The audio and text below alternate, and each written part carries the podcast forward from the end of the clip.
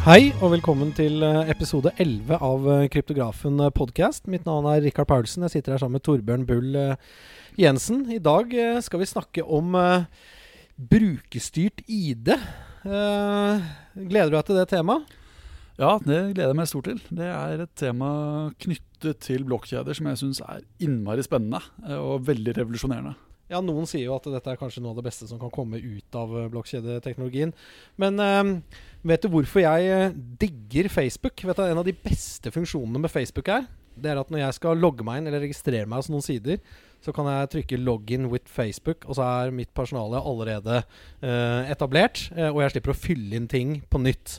Det syns jeg var helt fantastisk. Men det fins vel andre måter å gjøre dette her på? Ja, og det er jo også andre tjenester som eh, både BankID og Google som tilbyr den løsningen. Eh, og før Facebook og Google og disse tredjepartsinnloggingene kom, så var det sånn at du hadde én unik ID på hver eneste plattform. Så de løste et problem med å gjøre at du kunne bruke den samme ID-en mange steder. Eh, Men de skapte også et problem, eh, litt avhengig av hvordan man ser det. eh, Fordi når Facebook er den som logger deg på overalt, så sitter Facebook og kontrollerer ditt digitale liv. Eh, De kan da plutselig finne på å kaste deg ut fra Facebook, og så kastes du også ut fra Spotify og alle de andre tjenestene. Eh, De samler data om deg, basert på alle de stedene du logger deg på. eh, Og blir på en måte en edderkopp i midten av en sånn spindelvev og kan kontrollere det digitale livet ditt fullt ut. Fordi du er helt avhengig av å bruke Facebook for å bruke apper, nettsider osv. Så det jeg ser som den største fordelen, er jo egentlig den eh, største ulempen. Men eh, hvordan kan dette løses, da, hvis man ser på altså, blokkjedealternativet? Ja, det er det som nå vokser frem, eh, som kalles brukereid eller brukerstyrt ID. Self-sovereign identity. Desentralisert ID. Som helt enkelt går ut på at man utnytter åpne blokkjeder som f.eks. bitcoin eller Ethereum til å forankre en identitet. Slik at eh, du på mange måter som i den fysiske verden, eh, der du har si, Du har sertifikatet ditt som sier noe om deg, du har et medlemskap i en Sats Elexia som sier noe om deg, du har eh, bibliotekskortet ditt. Alle disse credentialsene, alle disse sertifikatene, er noe du oppbevarer selv. Ja, gjelder det f.eks. passord og innlogging på Ja. ulike steder? og Og, men det er noe du i den fysiske verden kan vise frem eh, direkte til den du skal verifisere deg overfor. Du holder i det, og så tar du tilbake til deg når du er ferdig med det. Eh, det blir nå mulig i den digitale sfære. Eh, Facebook-modellen så er det sånn som om du ga fra deg lommeboken med alle medlemskortene dine til Facebook. Sånn at de alltid satt og holdt lommeboken din. Ved å forankre i en blokkjede så kan du ta lommeboken tilbake, og i den digitale walleten din så kan du nå holde ikke bare kryptovaluta, men alle de digitale brukeridentitetene dine. Men for å forsterke litt før vi går over på selve løsningen, da, så kan vi bare legge bak oss hva problemet er. Eh, Vi ser jo hva, hvordan eh, Facebook har blitt misbrukt i flere instanser, bl.a. med det Cambridge Analytica-problematikken. Ja, så de videreselger jo data, eh, si, sånn at eh, de lar andre selskap analysere eh, brukernes data, uten at brukeren egentlig er helt ordentlig klar over det. Brukere som da i ytterste konsekvens kan bruke dette til politisk manipulasjon. Cambridge Analytica ble jo utnyttet til å lage persontilpasset politisk reklame og manipulasjon både i forbindelse med brexit og i forbindelse med valget av Trump, der de ned på individnivå kjørte en sånn Big Five personlighetstest. eh, Sånn at når noen banket på døren og skulle snakke om valg med deg, så visste de akkurat hvordan de skulle snakke til deg. De visste hvem de skulle vise eh, videoer som gjorde at du ikke gikk og stemte, fordi ja, en del velgere ville aldri stemme på Trump uansett, så da var det bare å få dem passifisert og vise negative ting om Hillary, og de visste hvem de skulle aktivere og hvordan. Eh, Men det har jo også vært en del datalekkasjer, både fra Facebook og andre, altså hvor eh, sensitiv brukerinformasjon på millioner på millioner av mennesker har lekket ut. Equifax, eh, hvor eh, halvparten av alle amerikanere fikk sitt personnummer eh, lekket. Eller Madison, hvor, som var en side som matchet uh, folk som ønsket å være utro. Hvor plutselig hele historikken uh, lå åpent. Uh, Man kan jo mene hva man vil om utroskap, men eh, legger du dataene og identiteten hos noen andre i en stor honningkrukke, så blir det veldig sårbart for hacking, fordi hacker har ett sentralisert mål å angripe. Og når de lykkes med å angripe det målet, så får de data på millioner av oss. Der skal de ha for naiviteten, selvfølgelig. Så, men eh, ok, hvis vi går over på hvorfor man skal ha brukerstyrt ID, hva på en måte er de største value propsene? Hva, liksom, hvis man skulle selge inn en sånn Hei, bruk denne tjenesten her. Dette er din ID online. Det er bare du som kan se det. Hvorfor skal man, eh, skal man gå for en annen type løsning enn de som er i dag? Så personlig ville jeg ha sagt eh, privatliv. Eh, jeg har ikke lyst til å dele mine data med hele omverdenen. Eh, og i hvert fall ikke uten å bli betalt for det.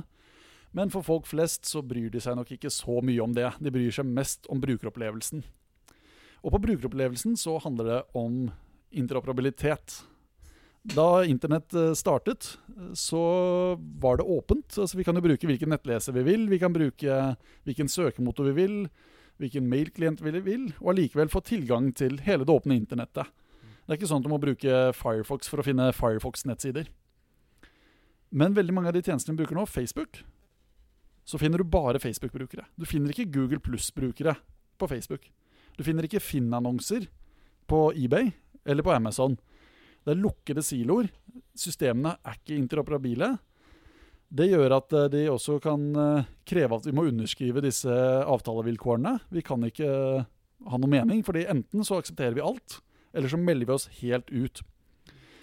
Når vi får systemet med brukereid ID, og dataene ligger hos den enkelte, så kan du få flere varianter som er interoperabile. Du kunne sett for deg en Facebook der det fantes fem, seks, syv, åtte forskjellige versjoner. Der noen var mer privacy-fokuserte, der noen var fokusert på celledataene. Men der den enkelte bruker kunne valgt den eh, konfigurasjonen han foretrakk, eller hun foretrakk, og allikevel eh, vært en del av nettverket der du kunne interagert med resten av vennene dine. Ja, du sendte meg jo en ganske interessant eh, video her, og det var vel fra Microsoft eh, som eh, snakket om eh, slike øh, selvstyrte ID. Det er at eh, du kan på din egen ID f.eks. bestemme at du er på jakt etter å kjøpe en bil.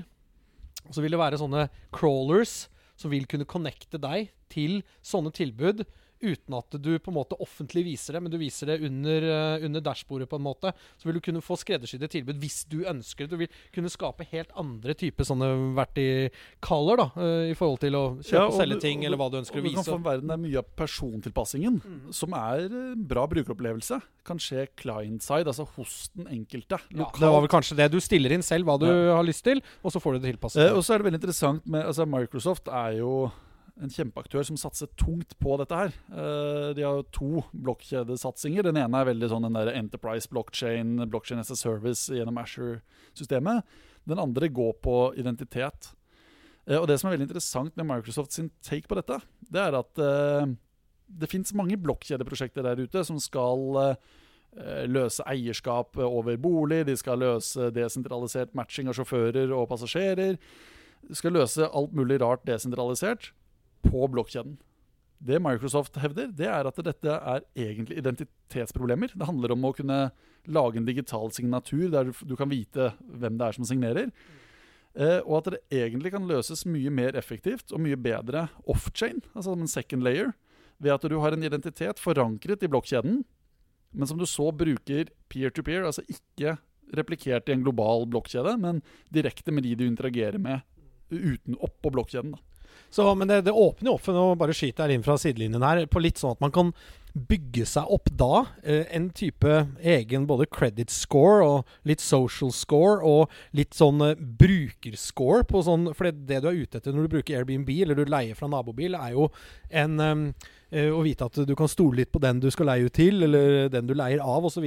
Mens her vil du kunne liksom høste alle de inn til din identitet. Og så vil du kunne bruke den på en måte valuen da, som du opparbeider deg der, overfor andre. sånn at du kan begynne, så Hvis du har oppført deg bra med å leie leilighet uh, i utlandet to ganger i året de siste ti årene, så kan jeg mest sannsynlig stole på deg uh, ved å leie bort bilen min til deg, uten at du har brukt min tjeneste før. da. Ja, for og, og, og sånn som Open Bazaar. eh, De er en tjeneste som lager en desentralisert versjon av eBay, Amazon, eller egentlig en protokoll, en standard, for netthandel og annonser for det. Eh, Og de bruker den type desentralisert ID for at uh, du skal vite at den eh, credit-scoren, eller altså egentlig den til- brukertilbakemeldingen en eller annen nettbutikk har, faktisk er reell, og at det er den samme nettbutikken du interagerer med hver gang. Uten at det er en Amazon som sier at det, jo, det er sant fordi vi har stemplet det og godkjent det. Ja, eh, men du hadde notert ned en, eh, to ting her som jeg var litt nysgjerrig på. Jeg trodde jo Blockstack var eh, et lagringsmedium, men det er egentlig et ID-medium. Kan du snakke litt om OneName og Blockstack? Det er eh, to store og viktige aktører i den eh, bransjen her. Ja, eller altså Dette er jo eh, Blockstack er en av de prosjektene jeg syns er aller mest spennende knyttet til desentralisert ID og desentraliserte apper. Eh, Og det startet eh, som OneName. Det var det prosjektet het opprinnelig. Eh, og da de forankret i en, den første altcoinen, faktisk, som het Namecoin. Eh, eh, og så med lærdommene derfra så har de bygget videre til det som nå heter Blockstack. Og det Blockstack gjør, er at det bygger egentlig infrastrukturen for et helt nytt internett. Altså de bruker TCP, IP og UDP, altså sånn disse transportsystemene fra internett. Men de tilfører system for desentralisert ID og desentralisert lagring, som du enkelt som utvikler kan bruke med API-er, sånn at du kan lage disse desentraliserte appene utenfor blokkjeden, eh, men med da brukerkontroll. Eh, og et, en ting Blockstack er veldig opptatt av, det er at eh, de refererer da Googles 'Don't be evil'. Så sier de at eh, det holder ikke. De må bygge et internett der du 'can't be evil'. Eh, og når de enkelte brukerne har kontrollen, så kan ikke mannen i midten eller myndigheter slå ned på, regulere, sensurere. Fordi det er, det er ingen å slå ned på. Og Det som er så spennende med dette, det er jo at eh, når disse appene blir åpne, så kan jeg først eh, lage én app, og så kan du lage en annen app. Men så kan en tredjeperson komme og si at nå lager jeg en ny app som er en kombinasjon av de to.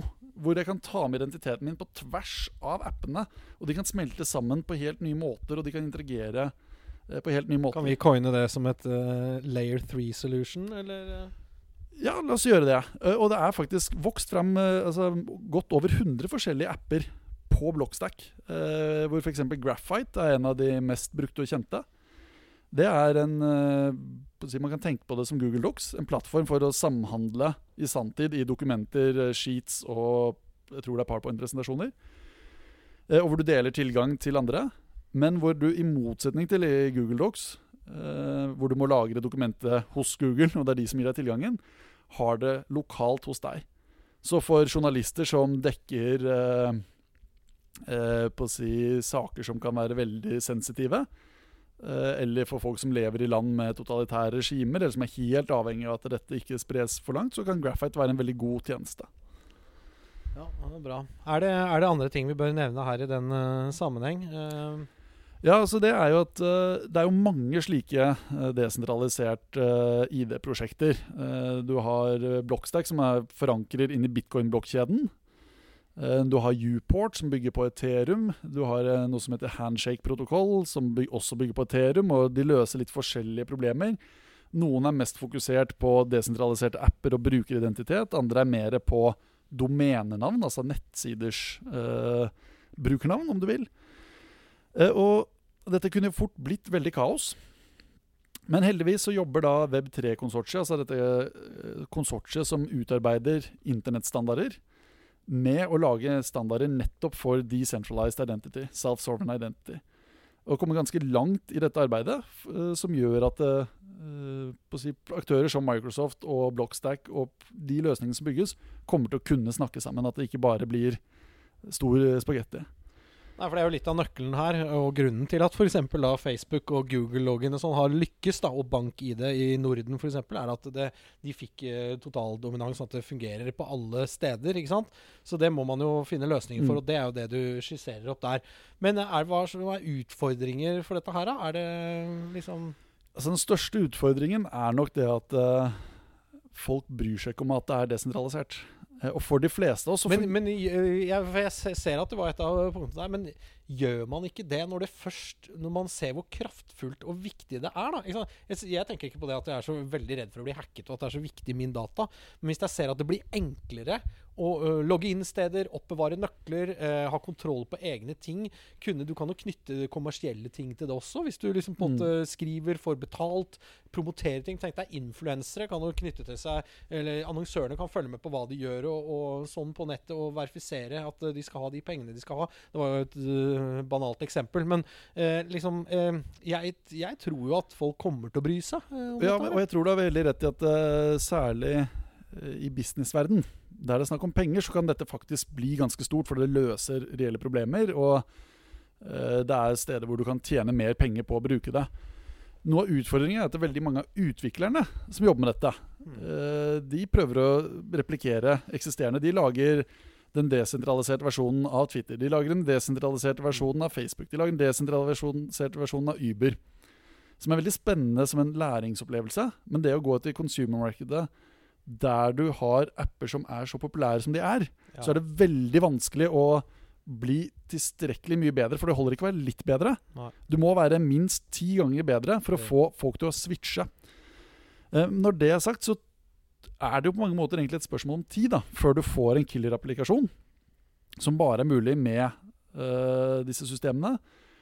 Som gjør at du får eh, mange som signer opp, uh, eller lager seg sin egen bruker-ID. Og når de først har den, så blir jo da terskelen for å bruke andre desentraliserte apper mye lavere. Altså Killer-appen er jo per definisjon desentraliseringen. At du ja. eier det selv, eh, og at muren er rundt deg. Det er ikke rundt ditt navn hos Facebook, så at Facebook styrer den muren. Det er veldig forskjellen. Ja. Ikke sant? Og så er det jo et kjempeutfordring som gjelder hele kryptovalutafeltet, og det er jo når du har full kontroll selv, så har du også fullt ansvar. Ja, det er jo kjedelig, egen... kjedelig, å miste nøklene til ditt eget liv. Det er kjedelig å miste nøklene til ditt eget liv, og du kan jo alltid starte på nytt. Men hvis du har bygd opp en uh, lang historikk og mye verdifull, uh, si, så er det veldig kjipt å miste det. Så det skjer jo veldig mye på um, den fronten på utvikling av uh, multisig-løsninger as a service, social recovery av keys. altså Egentlig passordmanagement-systemer som gjør at det både er sikkert og brukervennlig, men det er ikke helt brukervennlig enda. Så for vanlige folk så er nok dette fortsatt litt for teknisk utfordrende en liten uh, tid. Når det er sagt, så vil jeg virkelig anbefale lytterne våre til å gå på Blockstack sin side. I nettleseren. Signe opp og lage seg en Blockstack-ID. Ta den. Logg inn på Graphite eller en av de andre du finner på deres DAP, altså desentralisert app-oversikt, og teste det sammen med den. Uh, de har gjort det innmari enkelt for eh, folk som er litt teknisk avanserte. Bør ikke være veldig mye. Og faktisk begynne å teste ut dette her og se hvordan det fungerer. Mm. Ja, men uh, vi avslutter med litt, litt, humor her, da. Men hva, hva, er din ultimate recovery-metode, hvis du skal trekke det veldig, veldig langt? Det vil si at du har hele livet ditt på en, eh, en desentralisert ID-port som bare du har tilgang til. Du har alt du er der. Uh, og så mister du et passord eller private keys, og så må du ha en recovery-metode hvis du skal bruke litt fantasien. Hva, hva, hva, er det Har du noe spesielt i tankene? Nei, jeg mener, man, kan jo, man kan ha fingerprint, man kan ha ansiktsgjenkjenning, men kan man gå så langt at man kan ha DNA, blodprøve Altså, jeg sånn, vet ikke. Jo, men altså, vi, vi, må jo finne en metode som er på en måte tilnærmet 100% for å identifisere en person, for å få tilgang til en så viktig uh, koffert med informasjon da, som er dine. Jeg bare, bare ja, Så, så, så det, ene er, det ene er selvfølgelig sikkerheten ved innlogging. Uh, at uh, ikke andre kan logge seg inn og få se alle det dataene dine. Recovery. Hva er det dine hva det uh, Men på, på si, Der er utfordringen at det alltid vil være mindre brukervennlig jo sikrere det er. og du vil alltid være sårbar for at noen putter en pistol til hodet ditt. Forskjellen er at når de putter en pistol til hodet ditt, så får de bare dataene dine. De får ikke dataene til noen milliarder brukere, som de ville gjort i disse honningkrukkene hvor alles data ligger samlet. På recovery så er det egentlig ikke så vanskelig. Uh, det handler om å faktisk eh, skrive det ned eh, på et ark. Eller du får til og med kjøpt sånne stålplater hvor du kan hamre inn recovery-phrasen. Og så legger du det i tre, tre bankbokser.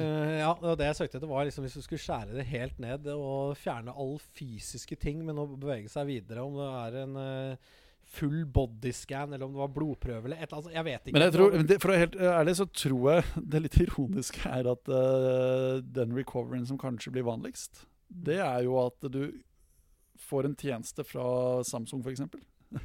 som er sentralisert. ja, hvor, hvor, hvor, recoveryen din er uh, kryptert, uh, men hvor de kan gi deg tilgang De passer på at den er backet up. De, hos dem kan du verifisere deg med pass og vise ansiktet ditt og prøve å overbevise dem at det er deg. Eh, og så kan de sende deg den krypterte som du kan dekryptere, og så gjenskape.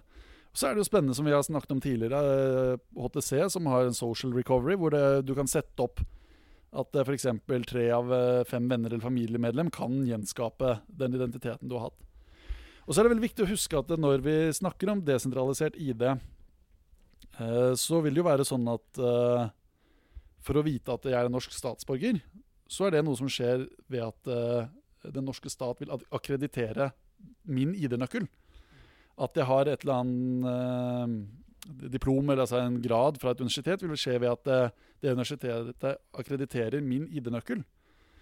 Sånn at eh, det vil til enhver tid være sånn at du må vite altså du må, du, Jeg kan ikke bevise at jeg er norsk hvis ikke noen andre går god for meg.